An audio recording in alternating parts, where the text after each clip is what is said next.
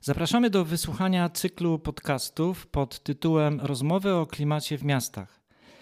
Podcasty stanowią część projektu wydawniczo-słuchowiskowego, którego głównym elementem jest książka pod tytułem Miasta i jego mieszkańcy w obliczu wyzwań adaptacji do zmian klimatu.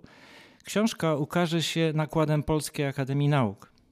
W kolejnych podcastach będziemy rozmawiać z osobami, które reprezentują różnych aktorów e, działających w obrębie miasta w odpowiedzi na kryzys klimatyczny. Posłuchają Państwo rozmów z reprezentantami władz lokalnych, z administracji publicznej, mieszkańcami miast, reprezentantami NGO-sów, a także instytucji edukacyjnych, urbanistów, architektów, projektantów, reprezentantów biznesu lokalnego. Są to jednocześnie przedstawiciele grup, którzy są opisani w książce dotyczącej miasta i adaptacji do zmian klimatu. W rozmowach pokazujemy konkretne działania podejmowane w ich miejscu zamieszkania, także będą zarysowane ich plany na przyszłość, a także opinie dotyczące mitygacji i adaptacji do zmian klimatu w miastach. Ideą rozmów jest pokazanie, że te działania dzieją się w praktyce, że nie jest to teoria. Serdecznie zapraszamy do wysłuchania podcastów. Dzień dobry, Agnieszka Żeńca, Wydział Ekonomiczno-Socjologiczny Uniwersytetu Łódzkiego. Witam Państwa bardzo serdecznie na kolejnej rozmowie na temat y, klimatu w mieście. Dzisiaj moim gościem jest pani Marta Karbowiak, społecznie zaangażowana łodzianka, od lat y, związana z sektorem pozarządowym i ośrodkiem działań ekologicznych źródła. Dzień dobry Pani Marta. Dzień dobry. E, ośrodek Działań Ekologicznych Źródła funkcjonuje od, y, od 20 lat. Zajmuje się szeroko rozumianą edukacją ekologiczną, przyrodniczą i obywatelską. To jest ogrom doświadczeń, które zapewne Państwo macie, a które z tych doświadczeń, projektów, które realizowaliście, wskazałaby Pani jako flagowe, takie znaczące dla działań na rzecz klimatu w mieście? E, trudno mi wybrać, przyznaję, e, bo tak się staramy układać te nasze projekty i, i tak zawsze je wymyślamy, żeby one zazębiały się ze sobą i tworzyły jakąś wspólną całość. Więc y, trudno mi wybrać ulubione dziecko. One naprawdę wszystkie były dla nas ważne i każdy z tych projektów też y, bardzo dużo nas nauczył. E, każdy z tych projektów wzbogaca nas jako zespół, e, wzmacnia nas merytorycznie. Mm, dla mnie osobiście na pewno bardzo ważnym e, tematem, który poruszamy od lat jest edukacja globalna, która e, jest dosyć mało jeszcze rozpowszechniona w Polsce. My się staramy to zmieniać od lat. To jest edukacja, która łączy przeróżne wątki. E, tam wątki ekologiczne są bardzo istotne, wątki środowiskowe, natomiast dodatkowo wchodzą też wątki gospodarcze i społeczne. Czyli to jest taka dziedzina edukacji, która łączy różne perspektywy i w sposób bardzo kompleksowy, taki właśnie globalny, e, obejmuje mm, przeróżne problemy współczesnego świata związane także z ochroną środowiska. E, czyli w edukacji globalnej, jeśli mówimy o ochronie planety, to mówimy też o tym, w jaki sposób dewastacja przyrody wpływa na przykład na lokalne społeczności, e, czy w jaki sposób międzynarodowy biznes Wykorzystuje słabość krajów globalnego południa, czyli krajów e, Azji, Afryki i Ameryki Południowej, po to, żeby się wzbogacać kosztem bardzo często właśnie środowiska naturalnego w, w tych krajach. E, jeśli chodzi o mm, środowisko miejskie, bo wiem, że pamiętam, że o to Pani zapytała, nie chcę też uciekać od tej odpowiedzi. Trudno jest mi wskazać projekt, który szczególnie skupiał się na miastach, bo my tę edukację właśnie staramy się tak kompleksowo pojmować i raczej e, nie skupiamy się nigdy wyłącznie na mieście. Staramy się na przykład edukować o wodzie. Tak, mieliśmy taki projekt właśnie poświęcony, poświęcony wodzie w całości i wtedy E, ta woda w mieście, retencja wody w mieście e, to był ważny wątek, ale nie jedyny tego projektu. To znaczy miasto nigdy nie jest jedynym bohaterem naszych projektów.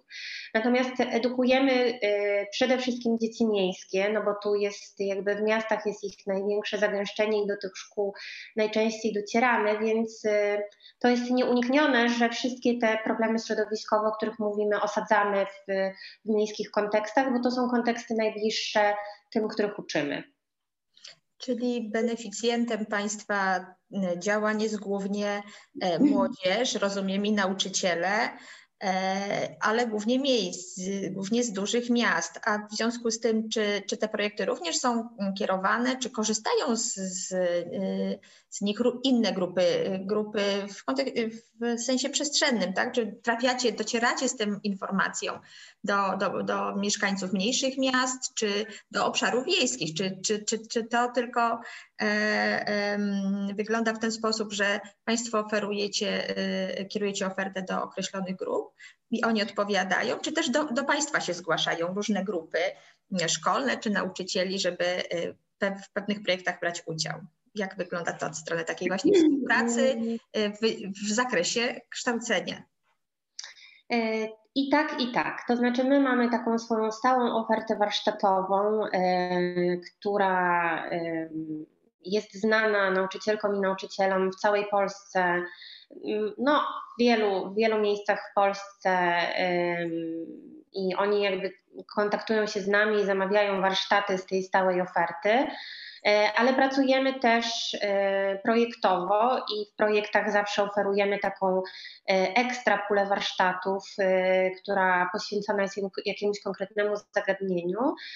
No i wtedy to my dajemy znać szkołom, słuchajcie, mamy nowy, fajny projekt, zapraszamy Was do udziału, mamy bezpłatne warsztaty, więc to działa w obie strony. I zgłaszają się do nas i my zapraszamy. My faktycznie kierujemy ofertę głównie do szkół, do, do dzieci, e, ale też do przedszkolaków, więc już od przedszkolaków e, policjalistów. Najczęściej chyba tak, gdybym mogła statystycznie to jakoś ująć, to szkoły podstawowe się do nas zgłaszają. E, I świetnie, bo to jest taki czas, kiedy rzeczywiście dzieciaki są ciekawe, mają chłonne głowy y, i, i wtedy można bardzo dobrze pracować na postawach z nimi, bo to też jest dla nas jako y, stowarzyszenia bardzo ważne, żeby nie tyle, znaczy tak, oczywiście przekazujemy wiedzę, e, to jest, to jest oczywiste, natomiast bardzo ważne jest też dla nas budowa- jakby kreowanie postaw. I w przypadku tych najmłodszych dzieci, to właśnie na tym się skupiamy. Na, na kreowaniu pewnej postawy, no właśnie takiej e, wrażliwości na świat natury, wrażliwości na planetę, e, bycia zainteresowanym, bo te mniejsze dzieci, one jeszcze właśnie mniej e, przyswajają taką wiedzę faktograficzną, bardziej to jest właśnie takie um, chłonięcie. Poprzez, poprzez działanie, poprzez działanie. Tak osiągnięcie pewnego, tak, pewnego stosunku do świata. E, więc e, tak, e, oczywiście edukujemy też nauczycieli, to jest dla nas bardzo ważne, bo czujemy, że oni potrzebują wsparcia. Oni często się boją troszkę zajmować tymi tematami związanymi z, z ekologią, z ochroną środowiska. Czują, że jeśli nie skończyli kierunku ochrona środowiska, to, to niekoniecznie jest ich temat i może nie powinni wchodzić na ten teren. E, więc staramy się przekonywać ich, że to nieprawda i, i że tak naprawdę w tej chwili nie chodzi o to, żeby właśnie zarzucać dzieciaki wiedzą i, i faktami, e, bo wiedza stała się bardzo łatwo dostępna, odkąd mamy powszechnie dostępny internet. To dzieci mają po prostu wiedzę z każdej dziedziny dostępną na, na trzy kliki w komputerze. Więc one sobie poradzą, jeśli nauczyciel nie, nie, nie zna jakiegoś faktu, to one błyskawicznie są w stanie wspólnie z tym nauczycielem dotrzeć do, do, do tego faktu. Natomiast to, czego internet nie zapewnia, czego często nie zapewniają też rodzice, którzy są zabiegani i może też nie, niekoniecznie czują te tematy ekologiczne, bo w ich pokoleniu to jeszcze nie był taki duży temat, tak obecny, no to są właśnie te postawy, więc my wierzymy, że rolą edukatora, nauczyciela jest w dużej mierze właśnie e, no, zarażanie ciekawością świata, wrażliwością na naturę. My mamy takie podejście, że jeśli dzieciaki złapią tego bakcyla i jakby zauważą, jak natura jest fascynująca i że im nie zagraża, tylko jest jest bezpieczna, bo to jest też często problem, że rodzice mm, czasami przekazują trochę taki strach dzieciakom e, przed, e, przed naturą. Albo to kleszcz, albo to osa, e, tu nie wchodź do lasu, bo dzik wyskoczy. Du dużo jest takich drobnych jakichś... Stereotypów, stereotypów. Tak, tak te, te kleszcze szczególnie. My mm, zabieramy dzieci na zielone szkoły rokrocznie i widzimy, że te miejskie dzieciaki często na przykład w, w tych pierwszych dniach wyjazdu boją się usiąść na trawie, bo mają zakodowane gdzieś z domu, że właśnie w tej trawie czyha po prostu jakieś niebezpieczeństwo i że właśnie zaraz horda tych kleszczy się pojawi i, i to, to jest wielkie zagrożenie. Więc my się staramy odkłamywać to, jakby pokazywać dzieciakom, że natura jest przyjazna. E, no właśnie, wtedy, jeśli one złapią tego bakcyla, uwierzą nam i poczują to, to powolutku rodzi się w nich samych taka, taka duża wrażliwość, czy wręcz no, taka miłość do natury, takie, takie autentyczne zainteresowanie tym światem. E, I wtedy one w sposób naturalny będą cały ten świat chronić. E, to, to nie wykładami i, i nie ćwiczeniami się załatwia takie rzeczy, właśnie, tylko no tylko właśnie oswajaniem, byciem w naturze, e, pokazywaniem, że ona jest fascynująca i wtedy no to w taki naturalny sposób meandruje w kierunku tego, że one chcą chronić środowisko. Więc tak my to widzimy, bardziej jako taki proces właśnie oswajania, uwrażliwiania. Y, mówiła Pani o, o, projekcie y, edukacji globalnej, która rzeczywiście troszkę jest inną filozofią kształcenia w taki sposób zintegrowany na temat y, środowiska, jego ochrony, czyli uwzględnienia tych aspektów społecznych, gospodarczych, instytucjonalnych i, i, i, środowiskowych.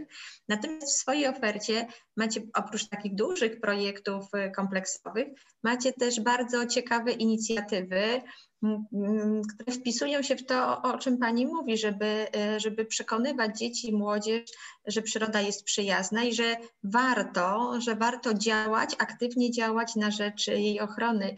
I ja tutaj chciałabym, e, żeby Pani nam troszkę powiedziała o takich działaniach, jak chociażby Zielonomi, czy Miejska Partyzantka Ogrodnicza, takie działania, które realizowaliście, czy wegańskie dożynki, czy chociażby Dzień Otwartej Klasy, który jest takim, wydaje mi się, bardzo ciekawym pomysłem właśnie e, e, e, na to, żeby przekonać dzieci do aktywnego działania na rzecz ochrony środowiska.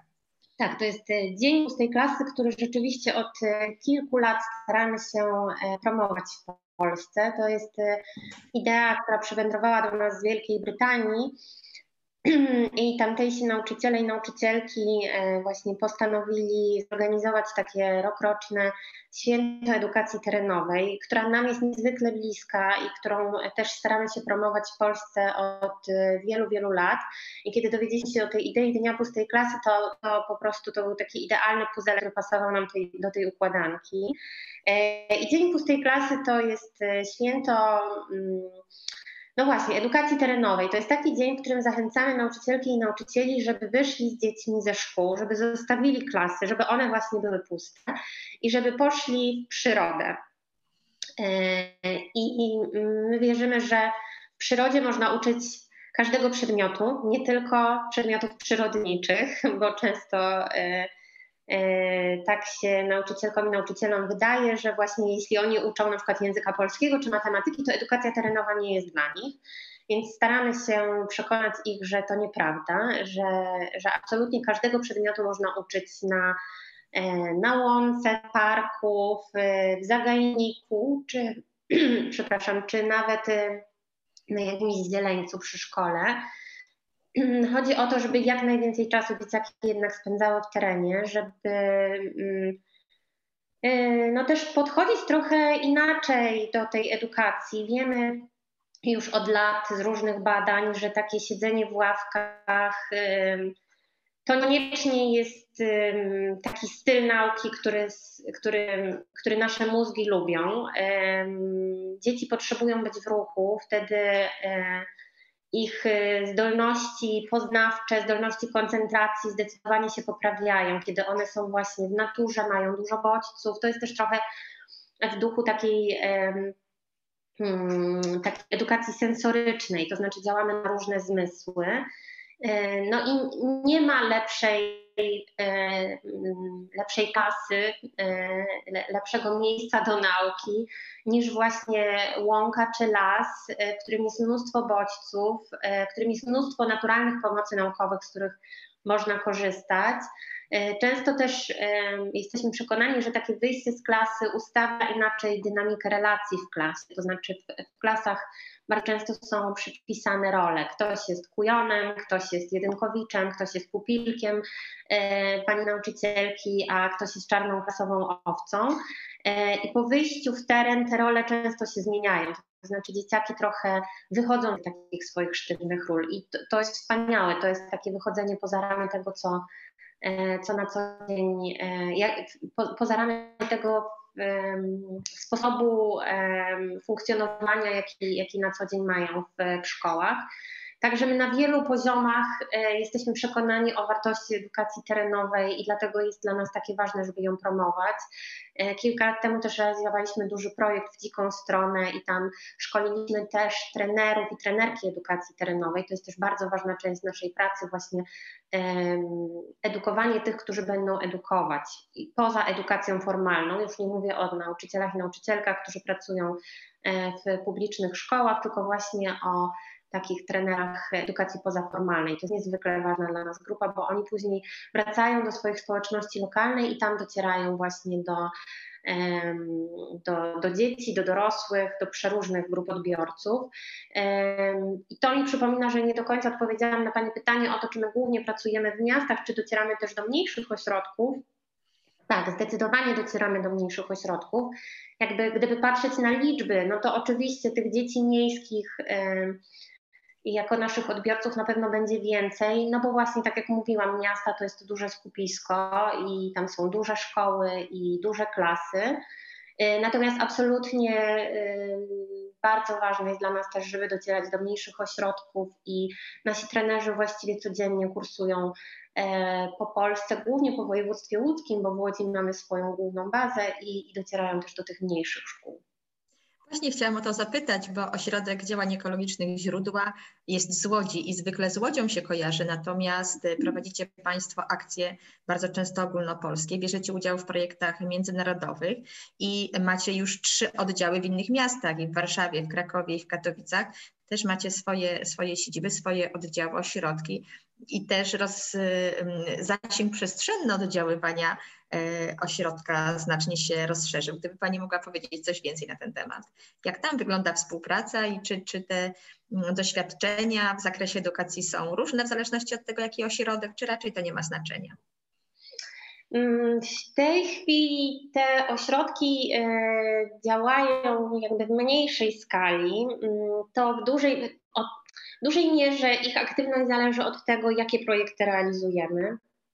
E, I jeśli zdarzy nam się projekt, w którym jest dużo szkoleń właśnie w tych, e, w tych regionach, to wtedy te ośrodki się aktywizują.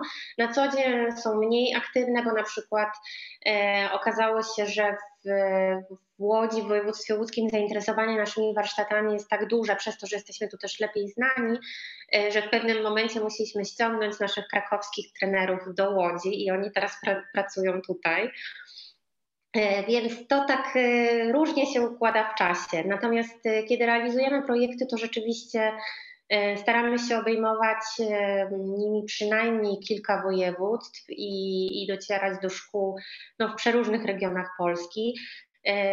Ja sama zjeździłam naprawdę całą Polskę jako trenerka edukacji globalnej i niczym niezwykłym nie są dla nas wyprawy do Olsztyna, Gorzowa Wielkopolskiego czy, czy Rzeszowa. E, więc tak, e, staramy się jak, jak najszerzej docierać e, z wiedzą, natomiast też jesteśmy zdania, że niekoniecznie wszędzie zawsze musimy, niekoniecznie musimy wszędzie fizycznie dotrzeć, mm, żeby trafić z naszym przekazem do osób w tych regionach.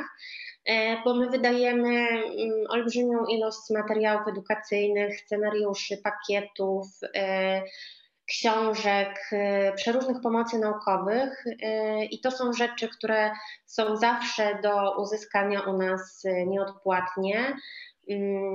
Wystarczy czasami wejść do internetu i po prostu sobie to wszystko ściągnąć, więc e, no właśnie, nie musimy się znać osobiście z nauczycielkami, nauczycielami na przykład z Lublina, e, żeby oni mogli korzystać z tej wypracowanej przez nas e, wiedzy. Oni mają to wszystko dostępne na jeden klik tak naprawdę.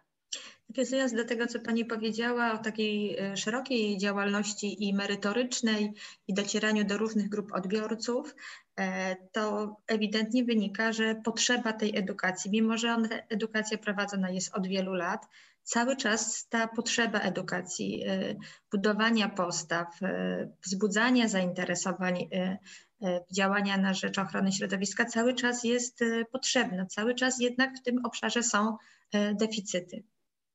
Ja bym powiedziała, że są olbrzymie deficyty. Te tematy są e, po macoszemu traktowane w podstawie programowej. E, często wiedza e, przekazywana w podręcznikach szkolnych jest nieaktualna, niezgodna z, z, z tym, co, co, czego nauka rokrocznie się dowiaduje na temat zmian klimatu, bo o nich tutaj przede wszystkim myślę. Mm, więc absolutnie deficyty są olbrzymie i dlatego e, no, myślimy, że będziemy jeszcze długo potrzebni. E, działamy już od ponad 20 lat i faktycznie, kiedy zaczynaliśmy naszą działalność, no to w ogóle te tematy były kompletnie traktowane po macoszemu. E, nie, nie było takiej powszechnej świadomości, że środowisko jest jakąś olbrzymią wartością, którą musimy chronić i że ono jest do tego stopnia zagrożone, y, coś co dzisiaj jest dla nas oczywistością. W ostatnich dwóch latach mam wrażenie, świadomość na temat y, ocieplenia klimatu no, skokowo wzrosła. To wreszcie zaczął być temat mainstreamowy. Wcześniej był jednak tematem dosyć niszowym i myśmy już 20 lat temu e, alarmowali i próbowali zainteresować tym tematem i prowadziliśmy od, od początku naszej działalności zajęcia edukacyjne na ten temat, ale jednak potrzebna była ta masa krytyczna i wreszcie udało się ją osiągnąć. E, wreszcie te, mm, te wszystkie e, działania wielu organizacji ekologicznych w Polsce jakoś się skumulowały i ta, e, ta wiedza wreszcie się przebiła do takiego, do takiego masowego odbiorcy. Ale w dalszym ciągu mamy poczucie, że mm, przekazy medialne nie zastąpią e, takiej rzetelnej edukacji ekologicznej, e, prowadzonej systematycznie. E, my prowadzimy, nawet prowadziliśmy w zeszłym roku takie badania, sprawdzaliśmy jaka jest świadomość na temat ochrony środowiska wśród młodzieży ze szkół w Łodzi i w Bełchatowie w okolicach Bełchatowa, bo tam też prowadzimy projekt dotyczący elektrowni i E, kopalni bełchatowskiej i sprawiedliwej transformacji energetycznej. E, I no, odkryliśmy z, mm, no, ze smutkiem, że e, z tą świadomością jest lepiej niż było parę lat temu wśród, wśród licealistów, wśród młodych ludzi, ale w dalszym ciągu ich podstawowe skojarzenia z ochroną środowiska to jest jednak segregacja śmieci i noszenie bawełnianej torby na zakupy, a my wiemy, że to nie są kluczowe problemy środowiska i nie segregacją śmieci i noszeniem bawełnianej torby cały świat, więc w dalszym ciągu jednak jest bardzo dużo pracy do zrobienia jakby wchodzenia w takie głębsze tematy, jednak poruszania z nimi takich bardziej no, złożonych zagadnień. E, te, te śmieci na wiele lat zdominowały w ogóle taką rozmowę o ochronie środowiska w Polsce, co, nad czym bardzo głęboko ubolewam i przyznaję, że jak ktoś do nas dzwoni z prośbą o warsztaty o śmieciach, to reagujemy dosyć nerwowo w źródłach, y, bo no właśnie strasznie nam zależy, żeby nie spłycać tego tematu i nie ograniczać go do, do segregacji śmieci, a, a to jest taki jakby prosty temat i dlatego w, jest duża pokusa, żeby na tym się skupiać. Więc ba bardzo się staramy odwrócić ten trend i jednak rozmawiać o bardziej skomplikowanych problemach y, z dzieciakami. Wiem, że one też są otwarte, no tylko właśnie trzeba je zaprosić do tej dyskusji. W szkole często na to nie ma czasu po prostu. Tak, ja tylko przypomnę, że już w 2009 roku prowadziliście taki Państwo projekt Nie podgrzewaj atmosfery i tam takich wiele działań proklimatycznych, zupełnie zmieniających spojrzenie właśnie na, na ochronę środowiska w taki i po pierwsze holistyczny sposób i na zwrócenie uwagi na te aktualne, bieżące problemy, to co nas czeka, żeby podejmować działania wyprzedzające w tym projekcie Mm, było mocno eksponowane. Mm, ja chciałabym teraz nawiązać do kwestii w ogóle początków źródeł. Otóż y, w 1993 roku tak naprawdę źródła powstały, bo wtedy była filia międzyuczelnianego lobby ekologicznego. I to tak naprawdę cały proces tej edukacji zaczął się od współpracy studentów, pracowników naukowych, aktywistów miejskich, chociaż wtedy to pojęcie nie było modne i znane. I w 1993 roku tak naprawdę zaczęliście Państwo akcje związane z powszechną taką edukacją, pracą właśnie u podstaw e, na rzecz podnoszenia świadomości obywatelskiej i tej edukacji e, ekologicznej. A jak dzisiaj w ogóle wygląda współpraca z różnymi podmiotami, bo z całą pewnością uczel, studenci uczelni wyższych aktywnie uczestniczą w Waszych pracach. Natomiast czy współpracujecie E, z szerszą grupą, z szerszymi grupami społecznymi, czyli nie tylko z uczniami, nie tylko z nauczycielami, nie tylko ze studentami, pracownikami e, mm, akademickimi. Czy ta współpraca się rozszerza i również zakres Państwa działalności, czy, te, czy też się rozszerza? Troszkę już Pani o tym powiedziała, ja bym chciała pociągnąć ten wątek e, Bełchatowa i sprawiedliwej transformacji, bo to jest zupełnie nowy obszar, w który wchodzicie w tym momencie. Tak, tych, mm, tych podmiotów, z którymi współpracujemy jest bardzo dużo. E, faktycznie jakby zawsze najbliżej naszego serca e, będą dzieci, młodzież, nauczyciele, bibliotekarze, bibliotekarki, czyli ci, którzy pracują też z dziećmi, bo wierzymy, że to tam na początku trzeba właśnie pracować i to daje najlepsze efekty. Co zresztą widzimy, bo teraz młodzieżowe strajki klimatyczne okazują się taką e, dużą, prężną siłą i mamy nadzieję, że to właśnie mm, ci młodzi będą, e, mm, będą potrafili skutecznie zawalczyć o to, o co ruchy ekologiczne próbują walczyć od lat i że nastąpi jakaś taka właśnie synergia działań. Więc tak, w młodych na pewno siła i oni zawsze będą dla nas bardzo ważną grupą odbiorców. Natomiast tak, no, współpracujemy z mnóstwem różnych podmiotów. Z innymi organizacjami ekologicznymi to oczywiste. Z samorządami ostatnio bardziej prężnie, właśnie ze względu na ten projekt Bełchatowski.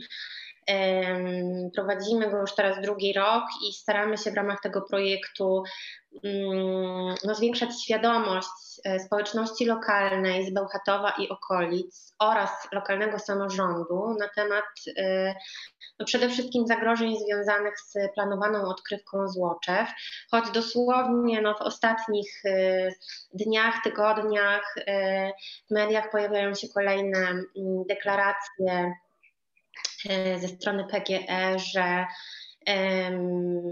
że firma odchodzi od węgla, więc mamy nadzieję, że to oznacza oficjalny koniec tych pomysłów związanych z utworzeniem nowej odkrywki, e, która owszem zasilałaby węgiel e, elektrownię Bełchatów przez kolejne kilkanaście przynajmniej lat, ale przyniosłoby prawdopodobnie no, katastrofę ekologiczną temu regionowi. Więc w tej chwili bardzo staramy się zwracać uwagę samorządu lokalnego z Bełchatowa i okolicznych gmin na mm, na to, w jaki sposób Unia Europejska kształtuje swoją politykę klimatyczną i w jaki sposób my jako region możemy skorzystać e, z tych form pomocy, które Unia przewiduje dla regionów węglowych, a region bełchatowski jest takim regionem węglowym, choć w Polsce e, jak słyszymy węgiel, to myślimy Śląsk, to jednak elektrownia Bełchatów zapewnia, zapewnia mniej więcej 20% zapotrzebowania na, na energię w Polsce i jesteśmy no, olbrzymim, bardzo ważnym ośrodkiem e, energetycznym i węglowym też.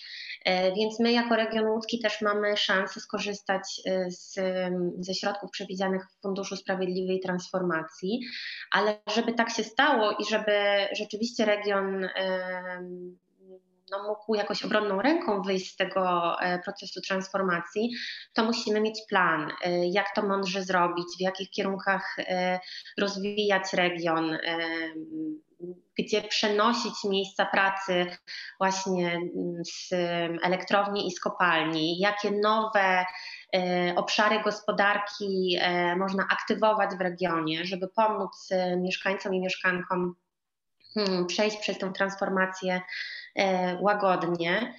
Mm, no i do tej pory y, takiej świadomości y, nie widzieliśmy wśród lokalnych władz. Teraz to się zaczyna szybciutko zmieniać. Myślimy, że też dzięki naszym działaniom y, udało się zwrócić uwagę lokalnych samorządowców na ten problem i na, na konieczność bardzo szybkich działań i podjęcia jakichś decyzji. Więc tak, to jest taki nasz nowy obszar, w który weszliśmy i no, sprawdzamy, jak to działa i uczymy się też dużo e, dzięki takim nowym kooperacjom. Jesteśmy też świeżo po napisaniu projektu z Urzędem Miasta Łodzi. E, staramy się o bardzo duży grant ze środków norweskich. E, prawdopodobnie w ciągu miesiąca, dwóch będzie wiadomo, czy udało nam się pozyskać pieniądze na mm, właśnie taki program adaptacji łódzkich szkół do zmian klimatu, tworzenia ogrodów deszczowych, takich e, zbiorników na deszczówkę, oczywiście edukacji z tym związanej też. E, także tak, no, szukamy partnerów rozglądamy się, patrzymy z kim nam po drodze, e, a czasami właśnie ci partnerzy sami zgłaszają się do nas, bo, bo wiedzą, że działamy, że edukujemy, że jesteśmy specjalistami w tej dziedzinie i e, chcą skorzystać z, tej, z tego naszego know-how. Tak, ja myślę, że y, y, warto to podkreślić, y, że promujecie Państwo taką gotowość do angażowania się w sprawy lokalnej społeczności, czyli Państwa działalność to oczywiście kwestie takie prośrodowiskowe, proekologiczne, natomiast obok tego jest właśnie rozbudzanie aktywności obywatelskiej, potrzeby współdziałania, współdecydowania, E, i zachęcania ludzi, nie tylko młodych, ale również e, społeczności lokalnych, e, już doświadczonych, można byłoby tak powiedzieć, w, we wspólne działanie, we wspólne projekty. Tak, tak jest. Jesteśmy gotowi do, do takich działań lokalnych. Próbowaliśmy różnych form. Mm, przyznaję, że przez lata jakby doszliśmy do wniosku, że takie działania akcyjne, aktywistyczne, happeningowe, uliczne są mniej spójne z naszym temperamentem jako organizacji niż działania e, takie długofalowe i edukacyjne. E, dlatego jednak one zdecydowanie przeważają w naszej działalności. E, w Polsce jest bardzo dużo organizacji zajmujących się ochroną przyrody i Każda z nich właśnie wybrała troszkę inną ścieżkę.